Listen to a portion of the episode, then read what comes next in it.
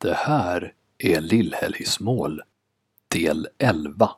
Ett ekumeniskt samtal mellan Jim Lagerlöf och Linus Forsberg.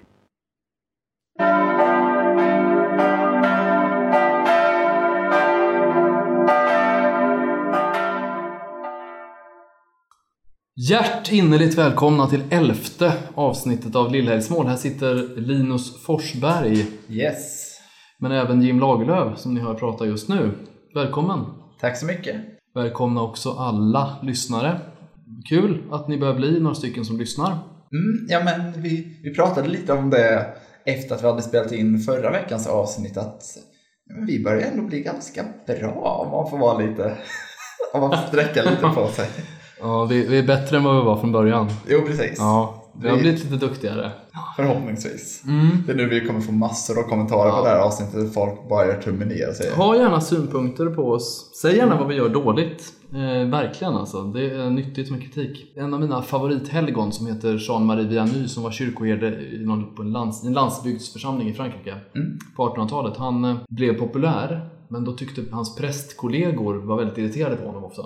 De var väl avundsjuka tror jag. Mm. Då skrev de ihop ett brev som de skickade till biskopen att den här Jean-Marie Vianney, han borde avskedas. Mm. För han, det blir så rörigt och det är olika, olika saker som han gör som är dåligt. Skrev de ihop ett brev och skickade till biskopen och sen så innan de skickade det till biskopen så lät de brevet gå runt med en namninsamling. Så att alla som höll med fick skriva på.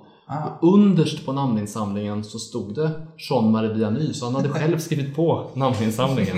För han höll med. Jag har kritik. Jättebra att jag får den här kritiken, de här synpunkterna så att jag kan bli en bättre präst. För det vill han ju bli såklart. Ja, jag gillar den attityden till kritik.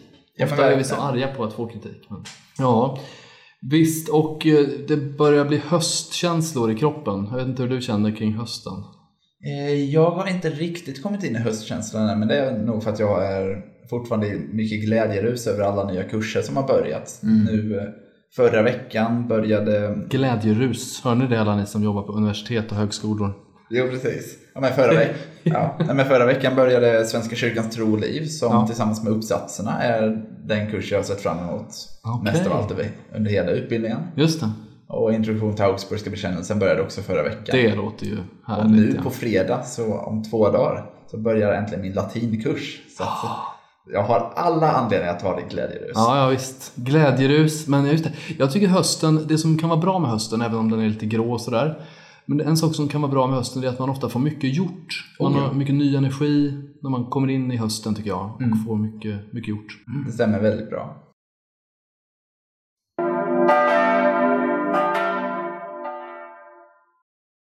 Just det. Vad är det för eh, evangelium som ni ska läsa i alla Svenska kyrkans gudstjänster på söndag? Jo, då är det från Matteus evangeliet 6, verserna 31-34. Vi är tillbaka i bergspredikan. Mm. Överskriften för söndagen är Ett är nödvändigt och det är femte söndagen. Har ni alltid en rubrik till era... Jag era tror söndagar? att det i princip alltid är en rubrik. Mm. Ett är nödvändigt. Ja, precis. Mhm. Och den rubriken ska ju då helst vara ganska sammanfattande kring vad, vad skriftens budskap är och kan också vara en hjälp eller en stjälp vid predikan. Mm. Och där brukar man väl ofta säga det inom Svenska kyrkan till folk som ska bli präster eller predikat. Använd rubriken om den hjälper dig, men hoppa över den om den stjälper dig. Ja, just det. Ja, ibland kanske inte alls funkar så som man själv har tänkt. Nej, men precis. Mm. Utan då är det viktigaste liksom, tolkningen av texten och inte rubriken. Skripta allena, alltså, ja. så att säga. Okej. Men i alla fall, bergspredikan. Och det är här Jesus pratar om att vi inte ska söka det materiella först, utan det andliga. Mm. Så fundera inte på liksom, vad ska vi äta, vad ska vi dricka. Jaha. Vi ska fokusera på. Guds rike. Och den här avslutar väldigt fint. Den, för den avslutas med orden, gör det därför inga bekymmer för morgondagen. Den får själv bära sina bekymmer. Var dag har nog av sin egen plåga. Och jag tänker att det där vill jag komma tillbaka lite till. För att eh, en av de viktigaste sakerna här, det är egentligen frågan, vad är viktigt? Mm. Vad är det vi ska fokusera på? Och då kan det ju kännas som att vad ska jag äta, vad ska jag dricka, Mm. är det viktiga. Ja. Men det finns några aspekter som gör att det inte är de frågorna vi borde ställa oss. Det ena är att för vi är ju Guds barn och vi kan relatera till att när vi var barn behövde inte vi ställa oss frågan vad ska jag äta, vad ska jag dricka? Utan där hade vi någon som tog hand om oss, som löste det åt oss. Vi hade Mm. våra föräldrar.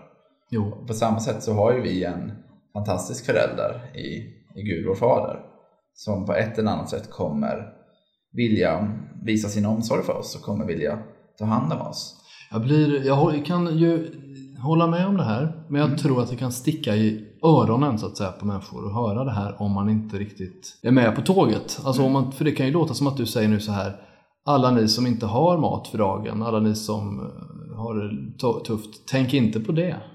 Förstår du vad jag menar? Mm. Jag var i, på Östermalm en gång finns det en kyrka som heter Engelbrektskyrkan. Mm. Och jag tänker att människor som går till den kyrkan har eh, högre medelinkomst än vad till exempel människor i en vanlig svensk, kyr, svensk församling har. Och då sa prästen, just vid det här evangeliet så sa han så här. Ja, man kan få intrycket här att Jesus inte tycker att man ska vara alltför rik. Och sen så pratar han inte mer om det. Eh, Men det, det finns ju en dimension här alltså. Det är lätt när man har mycket pengar. Mm. Att höra ett sånt här evangelium bry, bryr inte så mycket om mat och dryck och så vidare. Vad tänker du kring det? Ja, det är intressant att du tar upp det för jag tänkte komma in lite på du tänkte komma in på det? Ja, precis. För att i diakonin brukar man ju ofta prata när man missionerar i länder där folk inte har mat på bordet. Att där ska vi vända på principen. Att så här, de behöver andlig föda, men vi måste faktiskt ge liksom, den kroppsliga födan först. Mm. Men för, dem, för oss och för de som har mat på bordet, då tänker jag att det här är någonstans blir en påminnelse att det viktigaste är inte att vi behöver fastna i små bekymmer som i vad ska jag laga för middag ikväll? Och låta det trumfa att till exempel gå iväg och fira mässa. Mm. För att eh, det som vi upptäcker är ju att eh, vi som lever i ganska stort överflöd som ändå gör i Sverige i stort, det finns undantag. Men Ja, Den generella människan Jo. i Sverige, absolut. vi har fortfarande kvar bekymmer. Vi kan fortfarande verkligen gå runt och fundera på vad vill jag äta ikväll? Och då är inte frågan egentligen så här, har jag möjlighet att äta någonting? Utan vi grämer oss i någon form av överflödsproblem. Att vi kan välja Ja. mellan hundratals maträtter Jo. och det skapar ett bekymmer för oss. Och där lägger vi, enligt vad jag menar, att det här evangeliet säger till oss, för mycket tid. Och Mm. att fundera på saker som imorgon inte spelar någon roll. Nej, visst. Och det är just det, så här, var dag har nog av sin egen plåga. Jag tänker ju att vi har pratat mycket om det genom poddens historia, att det finns mycket i skapelsen som är trasigt. Ja. Dagen har nog av sin egen plåga. Den behöver inte plågas ytterligare av att jag ska fundera i en timme på om jag vill äta kyckling eller fisk ikväll. Nej. Nej. Utan den timmen kan jag hellre använda till att be, till att gå och fira mässa eller vad som helst. Och prioriteringar låter det som att det handlar om här. Vi- Vilka bekymmer är viktiga och vilka bekymmer kan man liksom ta efterhand? Mm. Verkligen att vissa bekymmer ingår i livet medan andra bekymmer kan man liksom unna sig. Och sen vill jag också verkligen som avslutning fokusera på början av det här citatet som jag läste i början. Gör det därför inga bekymmer för morgondagen. Det tolkar jag att, lite som vi var inne på, så att när vi bekymrar oss för saker så kan vi ge det fokus och vi kanske tänker att om, en, om två, tre dagar måste jag ha löst det här. Mm. Men det gör ju att vi missar dagen vi står i idag. Jo. Och jag, min övertygelse är ju att varje dag är en gåva som vi får från Gud. Ja. Och vi vet inte hur många dagar vi har kvar här på jorden, i det här livet, i den här kroppen. Men varje dag är en gåva.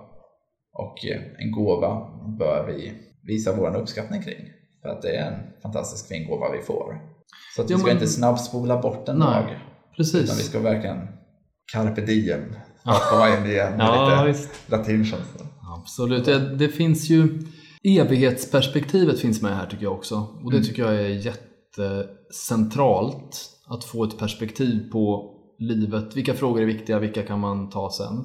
Och din själs frälsning är faktiskt den, det är den viktigaste frågan. Ta den först. Sök först Guds rike och hans rättfärdighet. Så löser sig det andra nog på något annat sätt. Ibland kan det ju också vara så att i bönen får du kraft att ta hand om livets bekymmer. Mm. Så be först, det är väl det det handlar om här. Det är verkligen.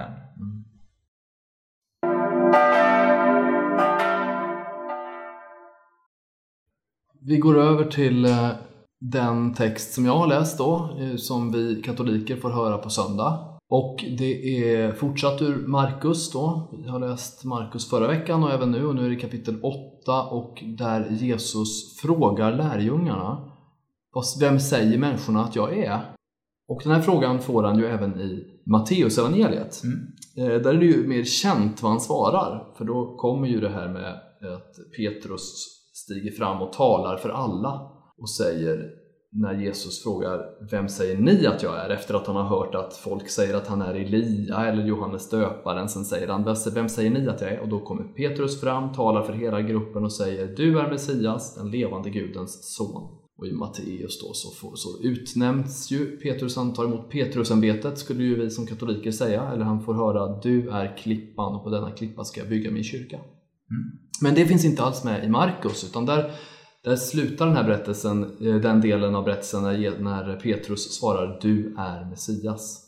Sen går de vidare. Jesus eh, berättar om att det kommer bli så här att jag ska lida och dö. Och även om lärjungarna precis har bekänt då du är Messias så blir de lite fundersamma. För då tar, står det i texten, då tar Petrus Jesus avsides och säger så här Nej, det här ska inte behöva hända dig. För när han har sagt du är Messias, då verkar ju han mena du är en oövervinnerlig hjälte som ska gå in och ta fighten nu.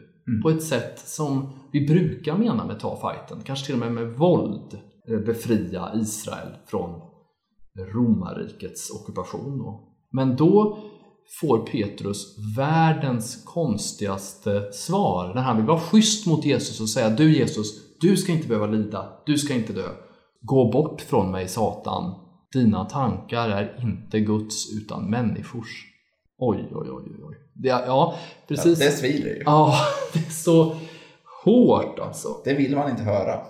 Nej, och jag, jag tycker synd, synd om Petrus. Han ville ju så väl. Tänk alla gånger som vi har sagt så här. Nej men du ska inte behöva offra dig. Du ska inte behöva göra någonting. Eh, utan du ska bara ha det härligt, ha det skönt. Och det är ju så man vill. Man säger så här, jag vill mina vänner väl, mina, mina, mina, mitt barn, den som jag är gift med. Undvik alla problem. Det ska aldrig bli jobbigt. Om hon gråter, ge henne en banan. Om hon gråter, låt henne titta på TV. Alltså ge henne precis allt. Vi är så in- inne i en sån curlingkultur och den bryter ju bara Jesus av. Tvärt genom att säga Gå bort från mig Satan. Dina tankar är inte Guds utan människors. För han vet att vägen till himlen är korsvägen. Och det är ju ganska provocerande. Vi pratade om det att Jesus säger provocerande saker Ja, i en precis. annan, ett annat avsnitt. Men här, här stannar lärjungarna kvar. De på något sätt tar emot den här märkliga tillrättavisningen. Petrus blir kvar hos Jesus. tycker jag är intressant. Han förstår väl att det ligger någonting i det Jesus säger, även om han knappast förstår det här med vart Jesus är på väg och så. Mm. så ibland så vill vi tala om för Gud hur det ska bli. Det gör ju Petrus, han säger så här. Jag löser detta, så här kommer det bli nu. Du ska inte lida, du ska inte dö, utan jag har koll på läget. Mm. Men Gud har en annan plan. Så mitt tips då, det konkreta sättet att leva det här evangeliet, är att när du har pratat färdigt i din bön, när du har pratat färdigt med Jesus, ta en stund och lyssna på vad han svarar. Han kanske inte alltid är så här brysk va? Mm. Han kanske inte kommer ropa från himlen till dig Vik hädan Satan, utan han kanske kommer säga något annat eller inte säga någonting alls eller visa för dig om det ligger någonting i det som du har planerat eller om han har planerat någonting annat. Så ta alltid, och det här är faktiskt en viktig sak i livets böneskola, lika länge som du ber, var också tyst så länge. Så först kan du be, absolut, be hur länge du vill. Berätta vad du tänker, vad du tycker, vad du vill ha, men ta dig tid att lyssna också. För Gud kanske har en helt annan plan, ett helt annat perspektiv. Det är väldigt, väldigt viktigt. Och jag kom på att vi pratade inte jättetydligt om hur man ska leva ut evangeliet i Svenska Nej, kyrkan även om det finns lite tips. Jag tänkte också på det. Mm. Jag gick vidare fick, snabbt. ja, precis. Jag fick en liten...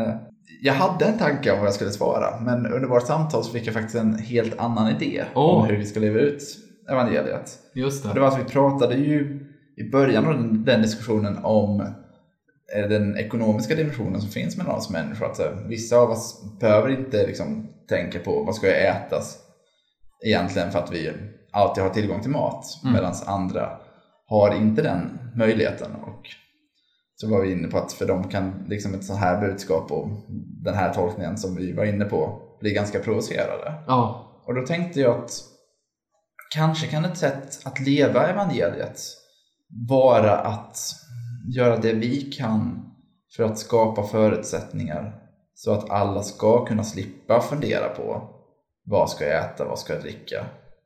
Utan kunna fokusera fullt ut på den andliga spacen. Och jag tänker att ett väldigt lätt medel att använda sig av är kollekt. Till exempel. Som väldigt ofta går till just de som inte har de resurser vi har. just Så det. att eh, mitt eh, tips att leva ut det här evangeliet är helt enkelt att på ett eller annat sätt kanske skänka en gåva. Antingen ekonomiskt, om vi inte kan göra det ekonomiskt, fundera på kan vi göra någon handling som hjälper en annan människa att slippa ställa sig frågan vad ska jag äta, vad ska jag dricka? Precis. Om du har någon runt omkring dig som du vet, den här personen tänker mycket på vad den ska äta och dricka, kanske imorgon eller ikväll. Kan du göra något konkret för den? Så det skulle jag vara min rekommendation så som jag vill leva evangeliet den kommande veckan. Mm. Fundera på hur kan jag göra att någon annan, precis som jag inte behöver ställa mig frågan vad ska jag äta, vad ska jag dricka?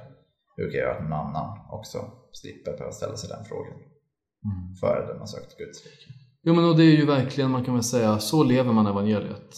Bland fattiga och eh, enkla och ensamma. Det är där som evangeliet levs ut egentligen bäst. Det är Johannes Chrysostomos som säger det väldigt bra. Han, han jämför Jesus som vi tar emot i sakramenten och Jesus som finns i de minsta, till exempel tiggaren utanför kyrkporten. Och han säger så här, om du inte känner igen Jesus i tiggaren, hur ska du då kunna känna igen honom i brödet? Det kan vi fundera på. Men det finns såklart tusen fler saker att säga om de här texterna. Ehm, Det är ju så med Bibelns texter att de ofta är fulla av hemligheter och skatter att öppna långsamt eller fort i olika delar av livet. Och Precis. nu har vi lite grann bara skrapat på ytan. Och ja, vi är inte allvetande. Nej, vi är ju inte det. Inga allvetande personer i detta rum. Nej. Det hade vi som regel när vi började med den här podden. Tack för att eh, ni har lyssnat det här avsnittet. Tack Linus. Tack Jim. Ha det så bra.